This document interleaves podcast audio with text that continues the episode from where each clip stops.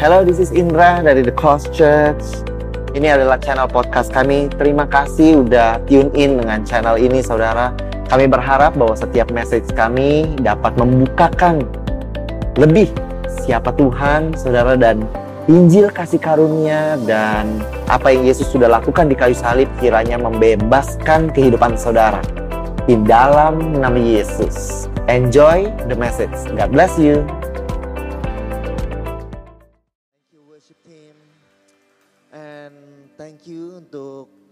Juga dengan uh, kepada jemaat.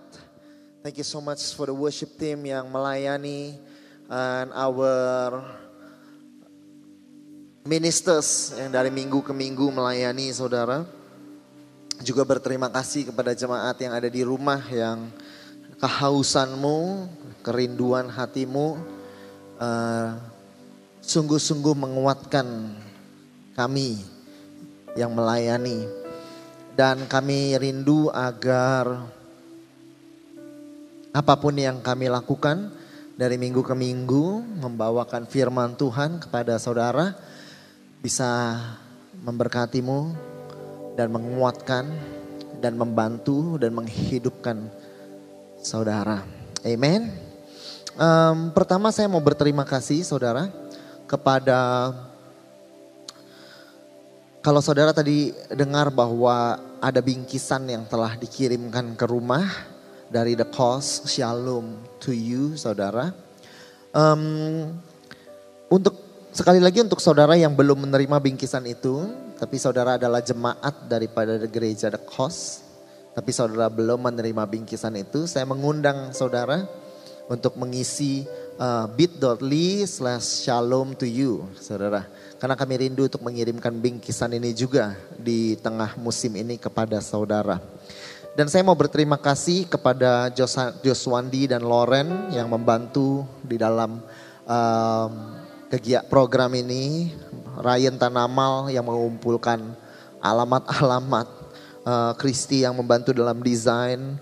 Mariska, Pastor Juliam yang mem, uh, uh, help with this, membantu memimpin and organize this dan menuliskan alamat saudara dan bahkan semua sisi leader yang membantu uh, dalam mengumpulkan alamat-alamat. Thank you so much kalau saudara um, ada di the cause berjemaat baik dari sebelum keadaan itu atau saudara saat ini adalah jemaat online daripada the cause. Saya mengundang saudara untuk mengisi dan kami rindu untuk mengirimkan um, bingkisan ini uh, to say that we love you and that we remember you.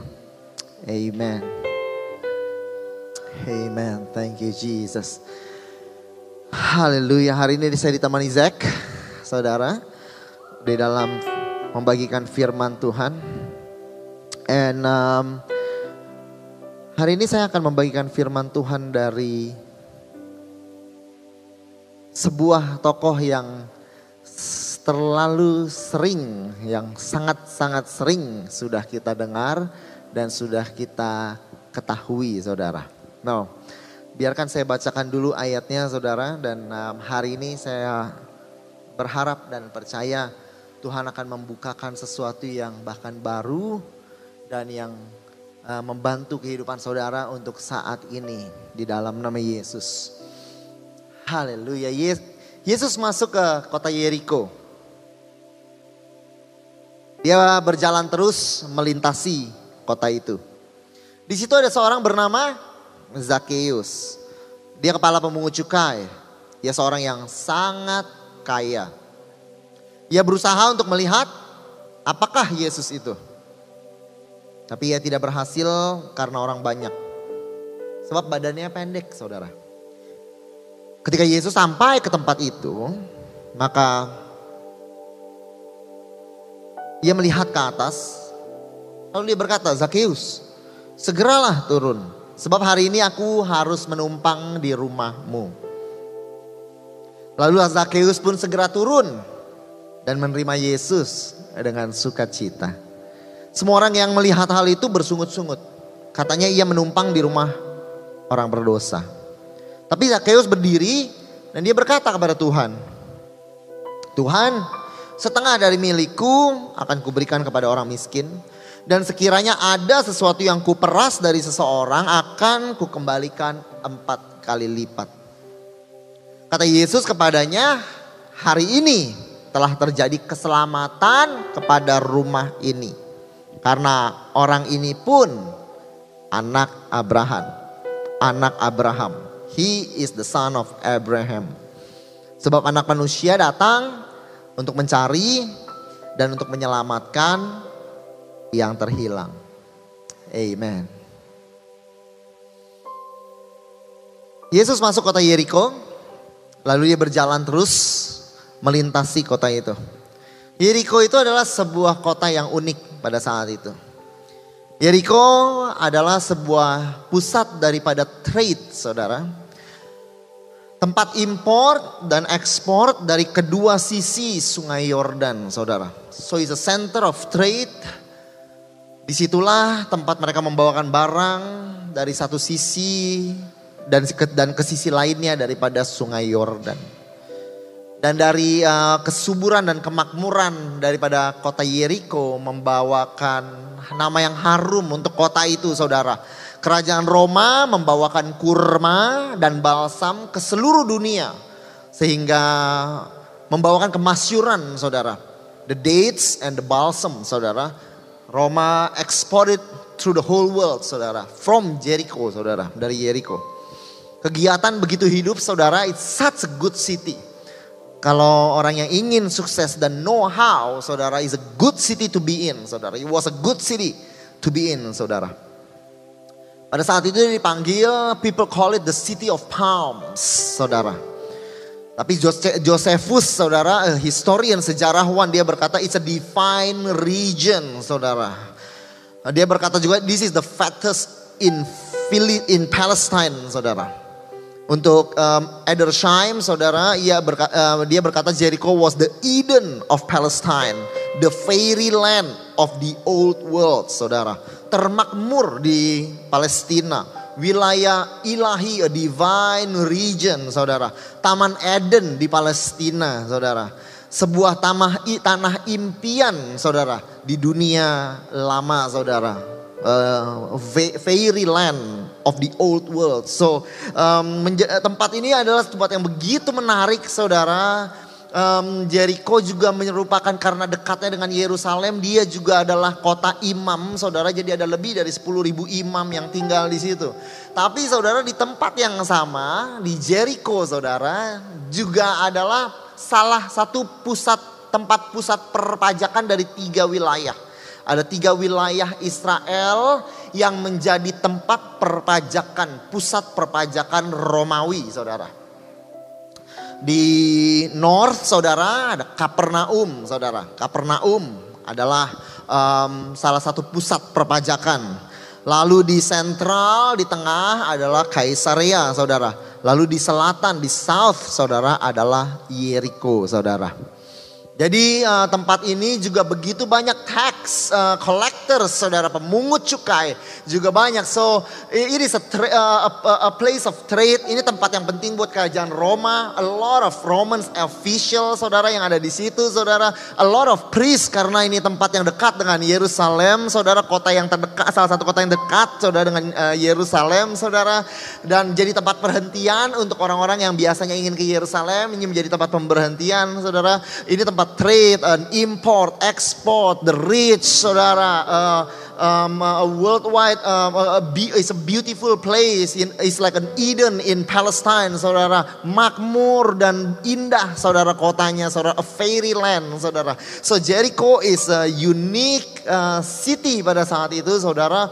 Kemakmuran, kebisingan um, ke kesilauan, saudara hingar dan bingar, saudara kekayaan, saudara semuanya ada di situ. It's an exciting, lively, buzzing city, saudara. And Jericho, saudara.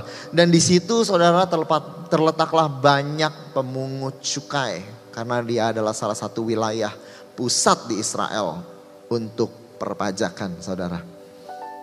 Tapi mereka dibenci, saudara Para pemungut cukai ini dibenci saudara.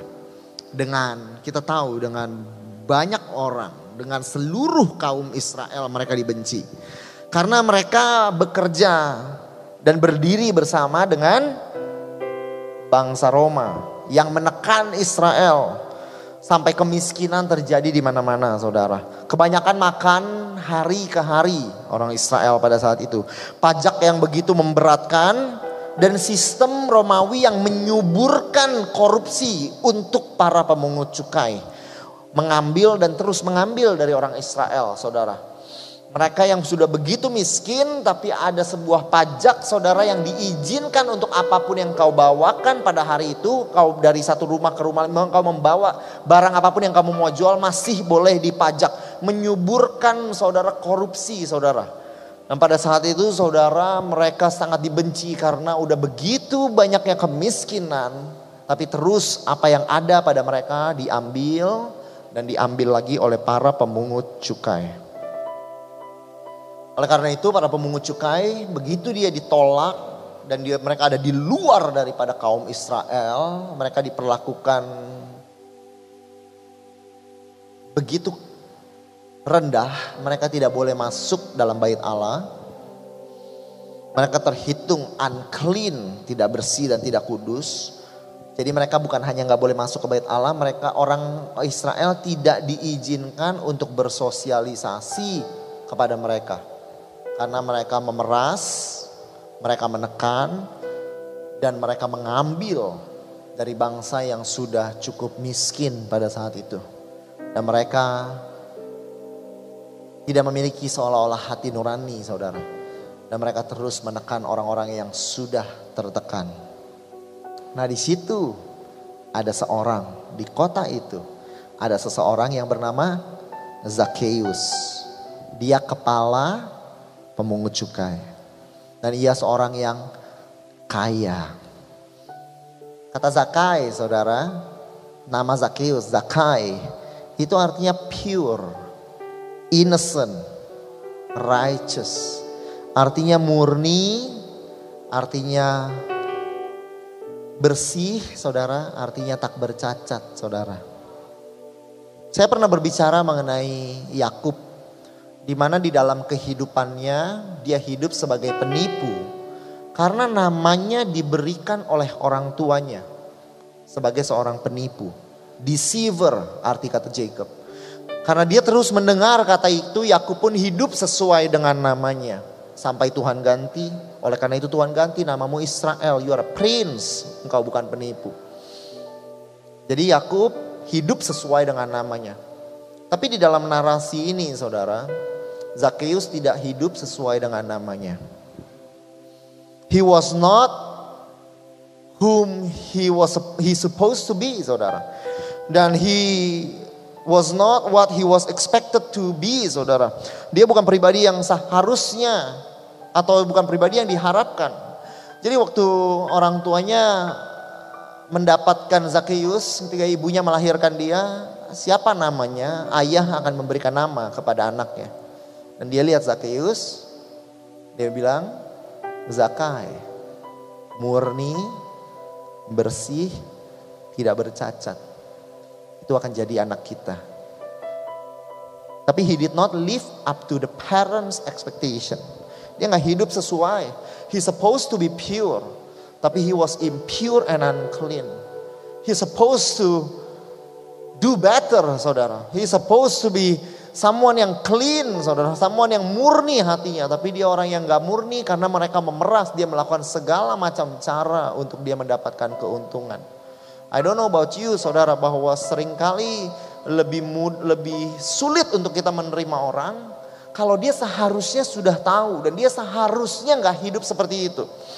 Kalau bahwa dia a leader, he should know better. Bahwa dia sudah harusnya tahu. You are a husband, you should do this. Engkau harusnya melakukan hal ini. Bahwa you are a wife, you should do this. Bahwa I supposed to do this. Bahwa it is your responsibility. This is, you already know this. Bahwa engkau harusnya dan this is adalah sebuah pengharapan saudara. Yang standar and from your name Zakai, pure, innocent. This is what you expected to do. Bahwa this supposed to be you but this is not you. Dan pada saat itu it's supposed to be him every time he heard his name Zacchaeus bahwa dia seharusnya orang yang kudus, orang yang baik, you're pure, orang yang murni, but he is not that, he is not what Everybody expected him to be orang-orang yang terdekat. His parents hope uh, hope for him, saudara. Itu semuanya dia nggak hidup sesuai itu. That you do not live as much as others want you to be, and you are expected to be. That you are hope to be, dan it crush you definitely, saudara. Dan itu membuat sebuah sebuah kehancuran identitas, saudara. That you do not live up to the hope of people. Kau nggak hidup sesuai dengan harapan orang. Zakai. That's what his name should be. Agar dia pure, agar dia innocent, agar dia righteous. Lalu dia jadi kepala pemungut cukai yang tidak boleh masuk ke dalam bait Allah. Ia berusaha untuk melihat apakah Yesus itu, orang seperti apakah Yesus itu. Ini Zacchaeus. Zacchaeus sought Zeteo to see Jesus. Zacchaeus sought Zeteo. Zeteo artinya to devote a serious effort to realize one's desire. Jadi Lukas uh, eh, 19 bisa kita baca sebagai Zacchaeus devoted serious effort to realize his desire to see Jesus. He was a desperate man, saudara. Boy, he was a man that is longing. Ada sesuatu yang dalam di dalam hati dia yang calling out bahwa he wants to see Jesus. He devoted a serious effort to realize his desire. Zeteo, saudara, to see Jesus. He just want to see Jesus. Maka berlarilah ia mendahului orang banyak. Lalu dia memanjat pohon ara itu untuk melihat Yesus yang akan lewat di situ. Ketika Yesus sampai ke tempat itu, Yesus melihat ke atas dan berkata, Zakheus, segeralah turun.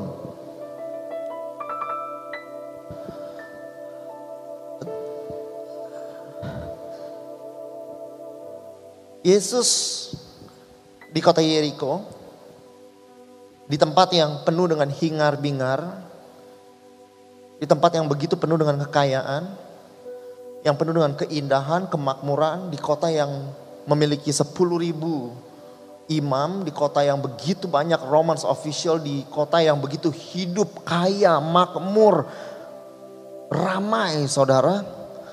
This hype and the crowd saudara. Yesus melihat menembus semua itu. Dan Yesus berkata, Zakheus, saya lihat kamu. Di dalam kekayaannya, di dalam perbuatannya, di dalam yang dia punya, di dalam semua yang dia nggak punya, di dalam kejahatannya, di dalam posisinya, Yesus melihat Zakheus dan dia berkata, Zakheus, saya memandang kamu, saya melihat kamu. Yesus mempunyai sebuah kemampuan untuk melihat seorang pribadi di tengah-tengah segala yang ada atau segala yang dia nggak punya, di dalam segala yang dia lakukan dan yang dia tidak lakukan, di dalam segala posisi dan kekuatan, di dalam segala kemasyuran, kemakmuran dan pencapaian, dia, dia Yesus memiliki kemampuan untuk melihat segala yang kamu seharusnya jadi dan yang belum kamu jadi dan Yesus bisa lihat Leo menembus semua itu dan Yesus bisa melihat kehidupanmu apa adanya. Yesus bisa lihat waktu kamu bilang I'm just tired. Yesus bisa lihat Zakheus di dalam seluruh kekayaannya dan Yesus bisa lihat his deepest desire bahwa dia longing to see Jesus. Yesus bisa menembus all this hype, all this crowd, all this riches, all this fame in the city. Dan dia bisa lihat masuk menembus ke dalam that one person. Dan waktu within all the position Yesus memiliki kemampuan itu untuk the all the good semua yang baik, semua yang enggak, semua yang orang harapkan, semua yang orang tidak harapkan kau lakukan dan semua yang harusnya kau jadi apa yang orang tuamu mau, kekayaan semua yang kamu miliki dan yang belum yang kamu harusnya lakukan, belum lakukan posisi Tuhan bisa lihat tembus semua itu. Dan Jesus can hear you, your cry dan Yesus bisa melihat engkau to your deepest being bahwa di dalam di dalam ke, ke, ke keberadaanmu apa adanya ke ke ke kesakitanmu, ke kerinduanmu, keperluanmu, that longing and that desire that you have inside your heart. Teriakanmu, that silent cry, where you cry maybe all over again. You just say, I'm tired. Lord, I'm tired. I'm tired. I just want to rest. I just want to rest. I'm tired. I'm tired. But when other people cannot see and other people cannot relate, but when Jesus peers through and he says, Zacchaeus, I see you. Come down. Waktu orang lain gak bisa lihat Zacchaeus karena they do not try to relate, they do not know how to relate, saudara. Mereka gak bisa relate dengan kehidupan Zacchaeus, tapi Yesus mereka gak bisa tahu apa yang Zacchaeus butuhkan. Zacchaeus had everything that he needed, saudara. Zacchaeus have all this position that he has, saudara. Tapi Tuhan Yesus, saudara, waktu dia lewat, dia lihat ke atas dan dia bilang Zacchaeus, segeralah turun. And some of you here, you are just Mungkin saudara memiliki that silent cry in your heart. Maybe you're tired. Maybe you just cannot do it anymore. Maybe you just mungkin tertutup dengan segala keadaan dan segala pencapaian dengan segala dosa dan semua tapi Jesus see through You have to know that. Yesus melihat tembus dan Yesus lihat yang terdalam di dalam hidupmu. Cerita ini dimulai. Cerita ini dimulai saudara. Jesus had the ability. Pada saat Yesus lihat Zacchaeus. Jesus had the ability to see a person in his good and bad through his mask and filters for what he shows and hides, and see him for who he is. And Jesus see you today. Bukan untuk apa yang saudara kasih lihat dan apa yang saudara sembunyikan. Jesus can see you for who you are, saudara. Cerita Yeriko ini dimulai di Lukas 18. Ketika Yesus mendekati kota Yeriko. As Jesus was approaching Jericho, a blind man was sitting by the road begging. And Jesus stopped. And Jesus stopped and commanded to bring him to him, to be brought to him, saudara. Jesus stop karena ada orang buta, saudara. He always stop when there is a need. Di Yeriko saudara, Yesus diceritakan, saudara dicatat hanya dua pribadi ini. Waktu dia di ke, berjalan ke Yeriko, waktu dia mendekat ke Yeriko dan di dalam Yeriko adalah seorang pribadi yang buta dan pemungut cukai yaitu Zakheus saudara di Taman Edennya Palestina, saudara. Di in the fairyland, tanah impian of the old world, saudara. Yesus yang Yesus lihat dari semua keindahan ini, Yesus melihat kesakitan. Dan Yesus berhenti pada yang sakit. Yesus melihat yang sakit. Yesus ber, uh, memanggil yang sakit, saudara. Yesus memperhatikan kebutuhan dan matanya mencari, saudara, yang membutuhkan. Dan hari ini, in all this crowd at homes, watching wherever you are, matanya mencari hari pada saat itu Yesus berhenti di kota Jericho saudara. All the glory of Jericho saudara he stopped twice. Waktu dia melihat orang buta memanggil dia, mendengar orang buta memanggil dia. Waktu dia melihat Zacchaeus ada di atas pohon, Jesus stop. And Jesus will stop today for you who have needs. He sees through, saudara. Jadi apa pun yang saudara teriakkan, kalau saudara memiliki kebutuhan yang begitu jelas, seperti orang buta yang berteriak dengan kencang, everybody knows. Jesus see that. Jesus hears that. Tapi untuk saudara yang seperti Zacchaeus, yang tidak berteriak, teriakanmu inside, Lord I'm tired, just give me a rest. I cannot do this anymore. You cannot say it because of who you are. Tapi hari ini Yesus mendengar orang buta yang memiliki kebutuhan terlalu jelas. Tapi Yesus juga bisa melihat Zakheus yang memiliki kebutuhan that nobody, nobody knows. Tapi Jesus see. And you, Tuhan lihat kedalaman. Maka berlarilah Zakheus. Berlarilah Zakheus, berlarilah ia mendahului orang banyak. Lalu dia memanjat pohon untuk melihat Yesus. Yang akan lewat di situ Zakheus berlari. Ya Zakheus terburu-buru. He was excited. Dia devoted. He wanted to see Jesus. Zakheus terburu-buru. Dan waktu Yesus sampai ketika Yesus sampai ke tempat itu ia melihat ke atas. Apa yang Yesus katakan? Dia berkata Zakheus segeralah turun Zakheus berlari terburu-buru saudara. Tapi di situ saudara, Yesus waktu dia bertemu dengan Zakheus, Yesus juga terburu-buru. Dia bilang segera turun saudara. Bukan hanya Zakheus yang ingin berjumpa dengan Yesus saudara. Tapi Yesus juga rindu untuk berjumpa dengan Zakheus saudara. Zakheus berlari tapi Yesus juga bilang segera hari ini ayo turun kamu ke sini. Karena saudara dia ditemukan saudara dengan kerinduan yang sama mendalam dari Yesus. Zakheus rindu melihat Yesus tapi Yesus juga rindu melihat Zakheus saudara. You are crying out to God dan mencari Tuhan but you don't have to know bahwa Tuhan juga memiliki kerinduan yang sama bahkan lebih mendalam karena dia berkata segera turun. Hari ini aku harus segera. Hari ini harus saudara. Tuhan berkata bahwa you are longing for me. Engkau merindukan aku. Seperti rusa merindukan air tapi Tuhan lebih merindukan Zakheus pada saat itu. Dan dia berkata segera turun hari ini aku harus menumpang ke rumahmu saudara. Dan hari itu saudara Tuhan mengundang dirinya sendiri saudara karena dia merindukan di dalam perja di, di dalam perjalanan Yesus saudara dia bertemu dengan Zakheus hanya ada satu kepala pemungut cukai yang dicatat di dalam kitab Injil yaitu Zakheus.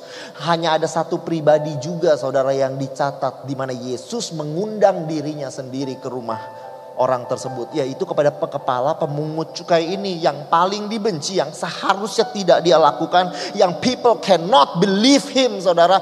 Justru kepada orang ini Yesus undang dirinya sendiri never before. Dia undang dirinya sendiri untuk masuk ke dalam rumah Zakheus because betapa rindunya Zakheus kepada Yesus untuk melihat Yesus. Yesus terlebih rindu untuk masuk dan melihat Zakheus saudara tapi semua orang, they all, semua orang yang melihat itu bersungut-sungut. They all murmured, they all murmured. Mereka semua itu, saudara perhatikan, they all, semua mereka. Pada umumnya ketika orang berdosa berkumpul bersama dengan Yesus, orang Farisi dan ahli-ahli Taurat yang bersungut-sungut. Tapi hari ini, semua all bersungut-sungut.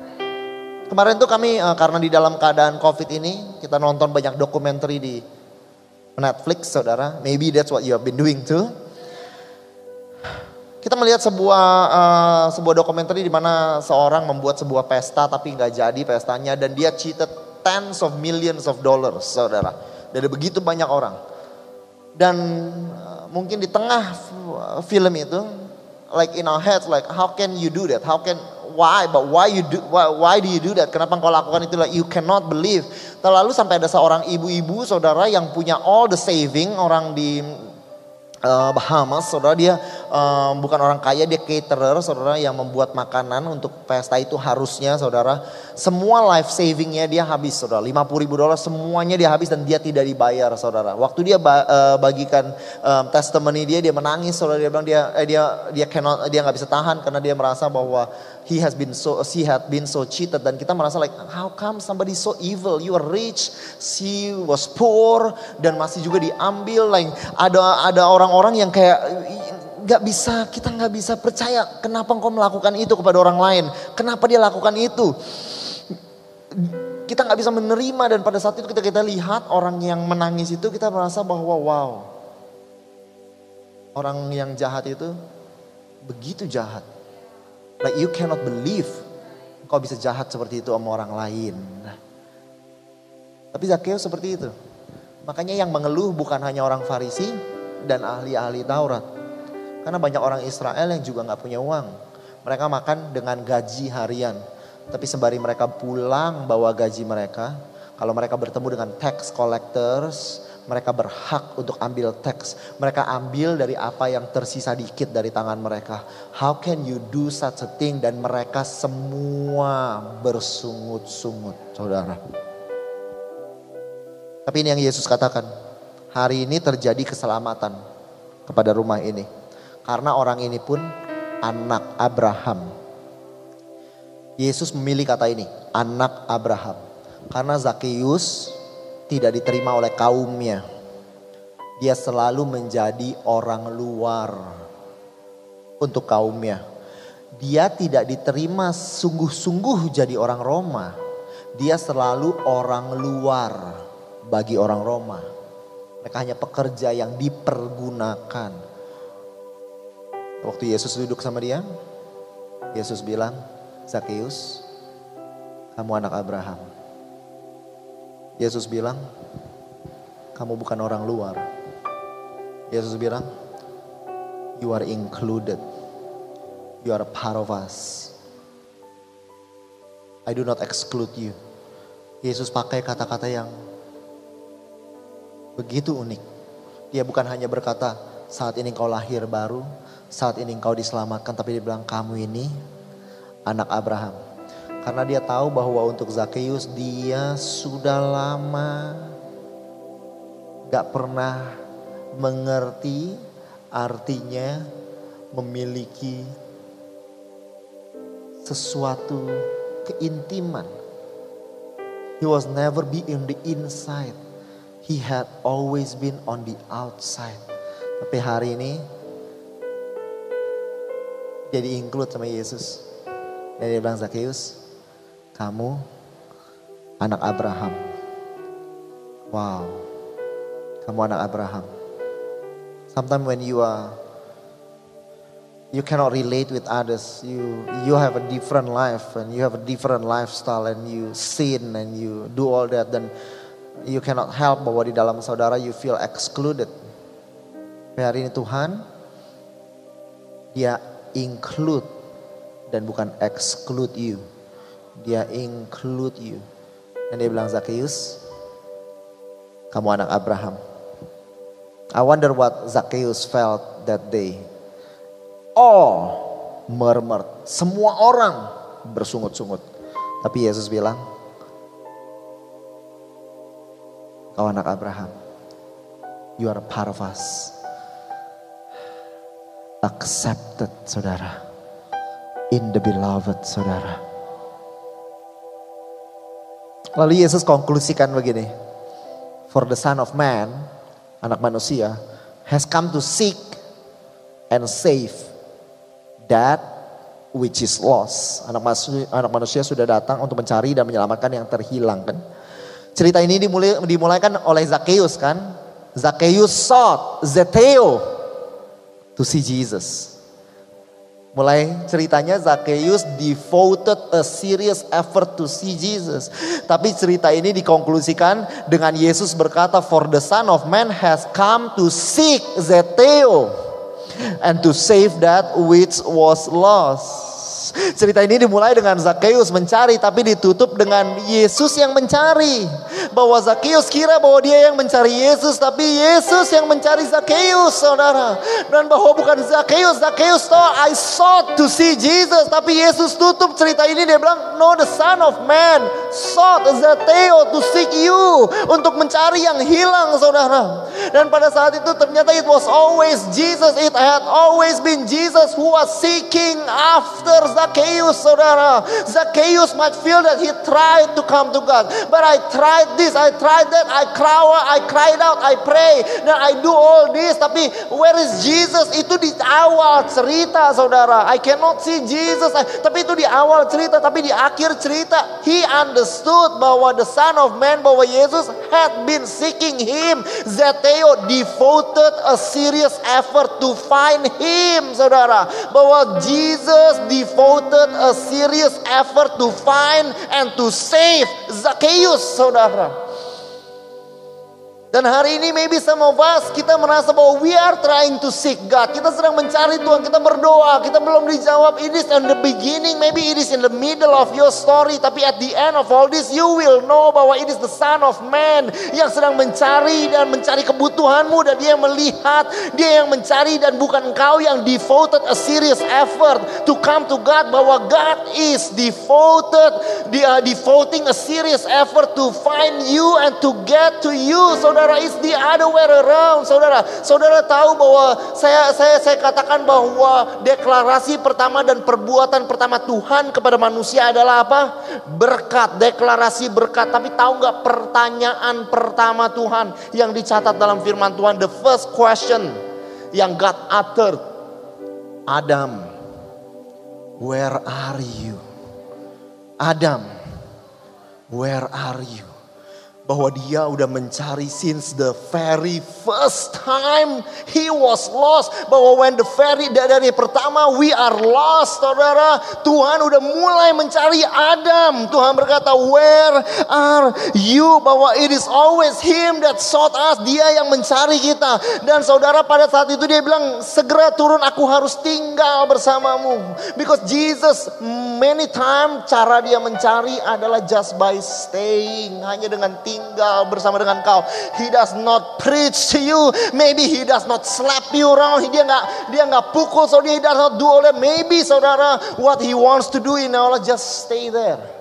Dia hanya tinggal diam di situ, saudara. He stayed, I must stay with you, saudara. Saya kira bahwa Yesus menjauh dari orang berdosa. No, no, no, I know he friends of sinners and all that. Tapi waktu engkau berdosa, I thought bahwa Yesus, saudara, ada ayatnya di Lukas 15 ayat yang keempat, saudara. Siapakah di antara kamu yang mempunyai 100 ekor domba. Jika engkau kehilangan seekor di, di antaranya tidak meninggalkan yang 99 ekor di padang gurun pergi mencari yang sesat sampai ia menemukannya.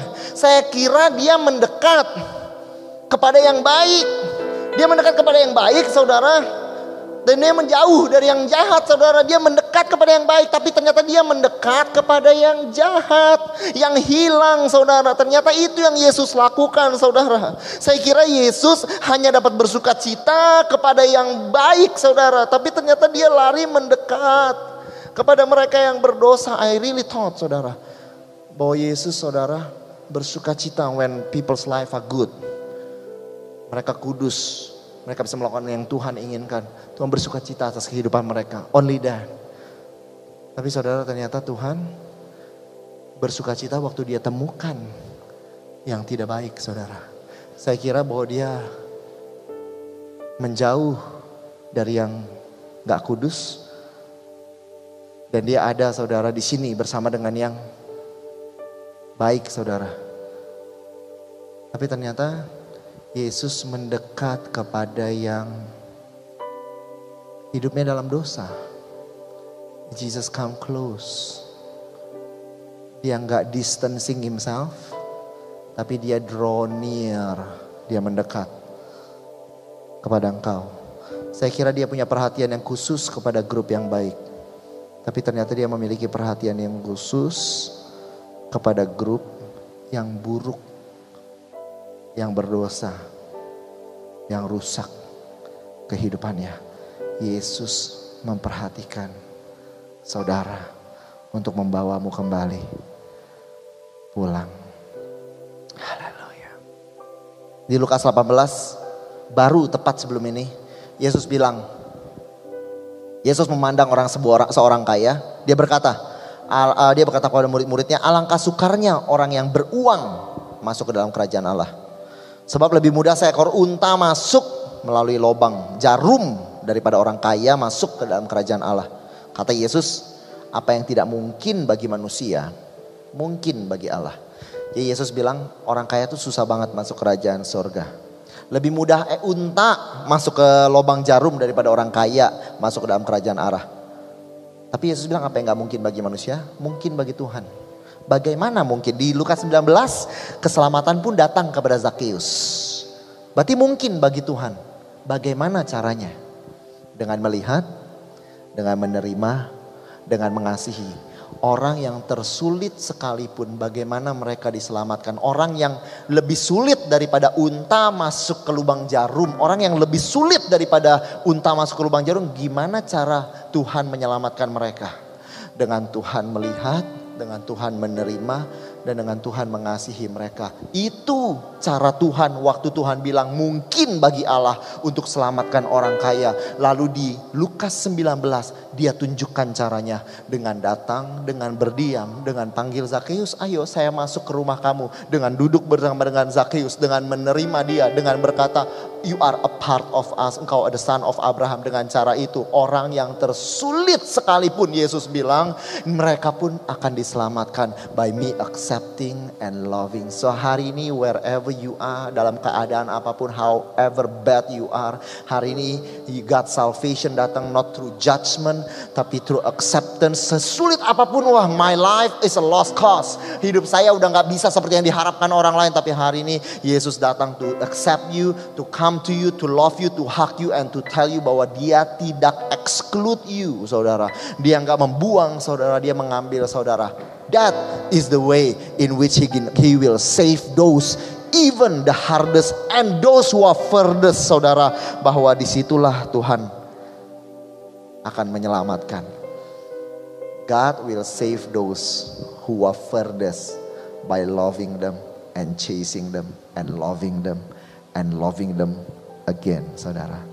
Amen. So I think that was me. That is you. Know that Tuhan gak sedang menjauh, tapi Tuhan mendekat. Anak manusia datang untuk mencari, menyelamatkan dan yang terhilang. Kata di situ saudara, the son of man has come to seek and save the lost. Apolemi saudara. Lost di situ kata arti katanya saudara adalah ruin, destroyed saudara. Hancur berantakan. Jadi yang Yesus katakan adalah I have come to seek and save those who are ruined and destroyed. Aku datang untuk mencari dan menyelamatkan mereka yang hancur, berantakan apolemi, hancur, berantakan. If this is you today, saudara, Tuhan datang untuk mencari yang udah hancur dan berantakan, ruin and destroyed, saudara. Saudara tahu bahwa iblis datang untuk apa? To steal, untuk mencuri, to kill, saudara, and to destroy. The thief has come to steal, to kill, and to destroy. Kata yang sama, destroy, apolemi, saudara. Itu yang iblis ingin lakukan saudara. Dia bukan cuma ingin steal and kill. Dia ingin kehidupanmu hancur, berantakan. Tapi Yesus datang untuk cari dan selamatkan. Yang seolah-olah kalau kita lihat iblis sudah selesaikan pekerjaannya. Steal, kill, and already destroyed saudara. Yang udah dicuri, dibunuh dan sudah dihancurkan, dibinasakan saudara. Untuk orang seperti itu Yesus belum putus harapan. Yesus datang bukan hanya for those who was stolen or killed. Jesus come also for those who already utterly destroyed. Yang udah hancur berantakan. Yesus datang dan di sini saudara justru untuk Zakheus saudara. Bukan um, cerita di Lukas pelayanan Yesus saudara di Lukas dimulai saudara awal-awalnya dengan dia mengambil Matius seorang pemungut cukai. Pemungut cukai saudara. Tapi di akhir pelayanannya sebelum dia masuk ke dalam penyalipan di akhir pelayanannya dia mengambil ke kepala pemungut cukai, saudara. He started with loving the tax collector and accepting him, Matthew. Tapi dia menutup semua atau Levi, Matthew dia menutup dengan mengambil Zacchaeus, the chief of the mall, the chief sinner. Orang yang sudah destroyed, saudara orang yang udah hancur, orang yang udah ditolak. Orang yang bukan hanya orang Farisi dan orang ahli Taurat yang mengeluh. All mengeluh kalau mengenai orang ini, all murmur, semua bersungut-sungut, semua nggak setuju. Orang sini harusnya tahu karena dia harusnya pure, dia harusnya innocent, he should have known better. You are a husband, you should know better. You are a wife, you should know better. You are a leader, you should know better. You are a pastor, you should know better. You are Zakai, you should know better. You are not all that we expected you to be. And Jesus come and Jesus bilang, Zakai, Zacchaeus, I must stay at your place. Kenapa? Karena apolemi, karena kamu udah destroyed, you are ruined. But I come for the like especially especially for you who are ruined and destroyed, yang udah hancur berantakan. It is you that, um, that I devote a serious effort to find yang udah hancur dan yang udah berantakan.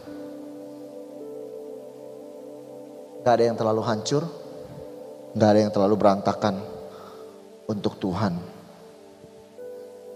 Di dalam siapa pun kamu, I wanna talk to you sebelum kita tutup saudara. Um, I wanna worship team to get ready. Tapi hari ini I wanna talk to you not from a pastor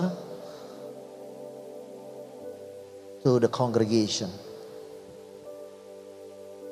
I want to talk from one sinner to another, from one human being to another.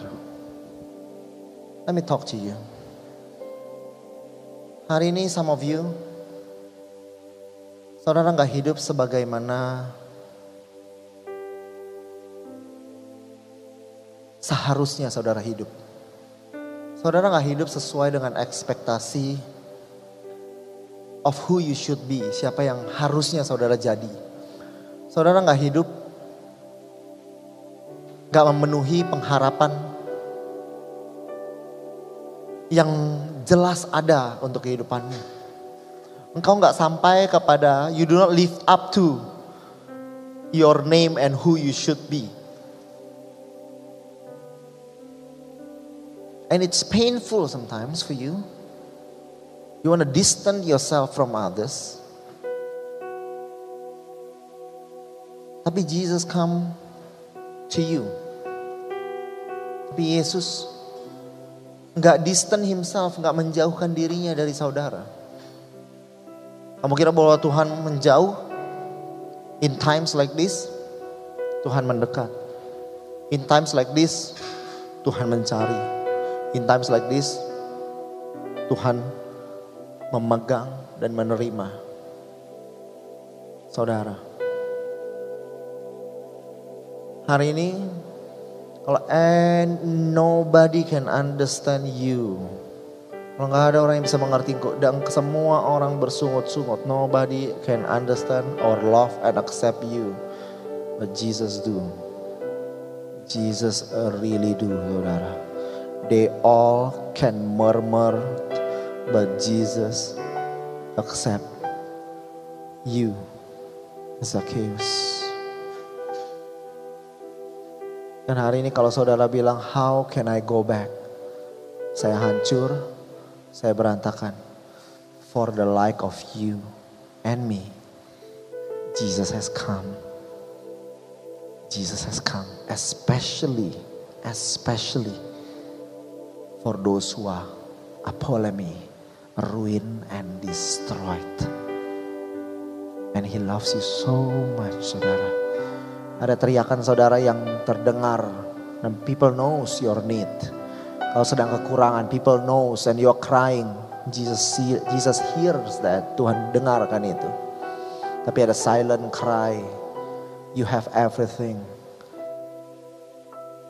you have a so good social skill, you, you have all the position that you need. But that cry is not heard. Teriakan itu nggak terdengar. Tapi hari ini Yesus melihat yang orang lain gak lihat. He sees you for who you are. Nah hari ini, let me just pray together with you. I don't know who you are at home. Some of you, you really know, need to know bahwa Jesus still love you. In di dalam keseluruhan diri saudara. Yesus melihat engkau. It has always been Him yang mencari engkau. And He loves you all the same. Dia nggak menjauh, dia mendekat. Hari ini, I pray that there is peace, ada damai. Aku berdoa hari ini ada pengertian bahwa Yesus mengasihimu just the way you are is not just a Christian jargon bahwa it is so real Oh hari ini God understand and God loves you dan dia menerima and he pick you up again now. Dia mengangkat engkau kembali. Di mana pun saudara ada di rumah, if you need this word hari ini, you feel unloved, you feel unaccepted, you feel you are ruined, you feel you are distant, you feel nobody understand and can relate to that cry in your heart, how tired you are, how how much you want to run and how much you don't want all this and how much.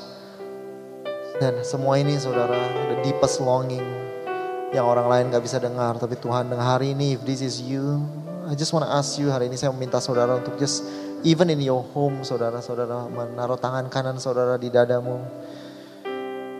Just say Jesus. That's it. Don't say anything else. Just say just say Jesus.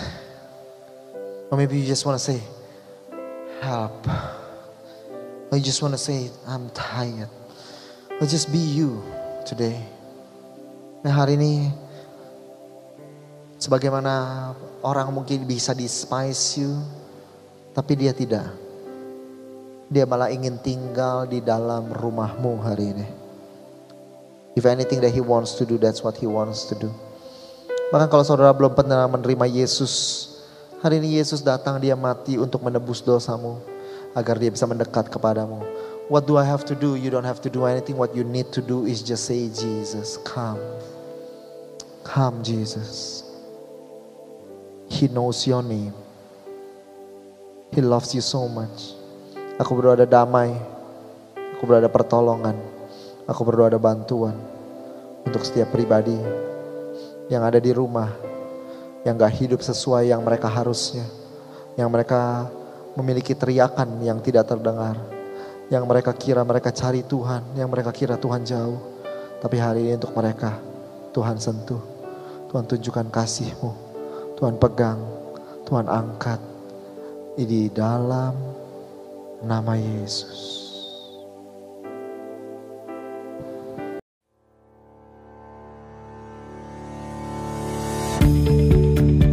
Terima kasih lagi sudah mendengarkan episode ini saudara dari podcast ini. Thank you so much saudara.